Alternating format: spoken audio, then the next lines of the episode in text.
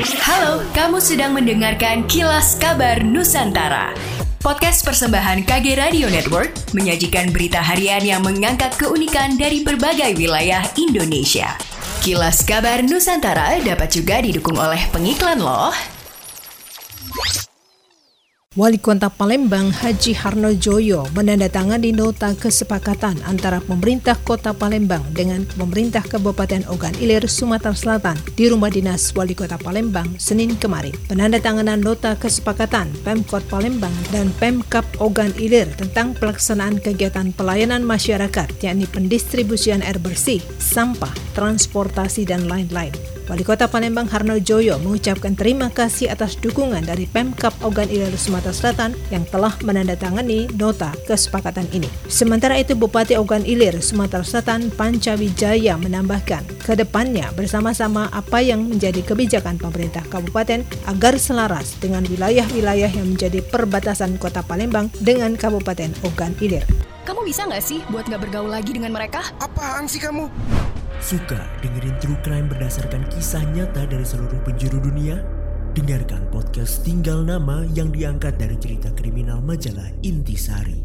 Persembahan Media by KG Media dan Intisari di Spotify saat semuanya sudah terlambat.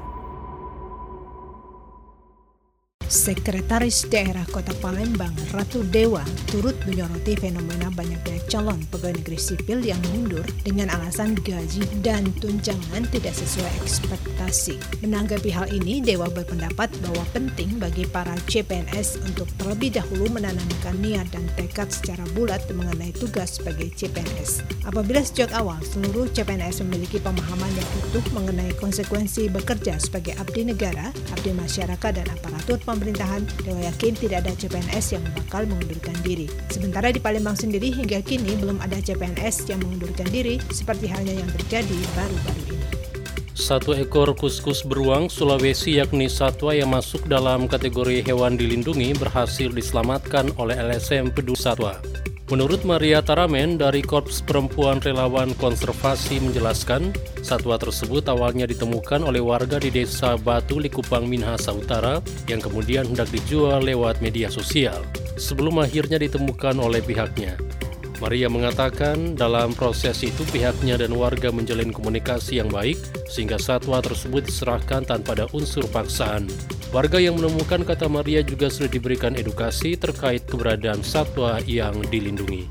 Sementara itu, Billy Lolowang dari Pusat Penyelamatan Satwa Tasikoki menjelaskan bahwa saat ini status dari satwa tersebut telah masuk dalam kondisi rentan kepunahan diakibatkan aktivitas perburuan ataupun peralihan lahan yang menjadi habitat dari satwa dimaksud.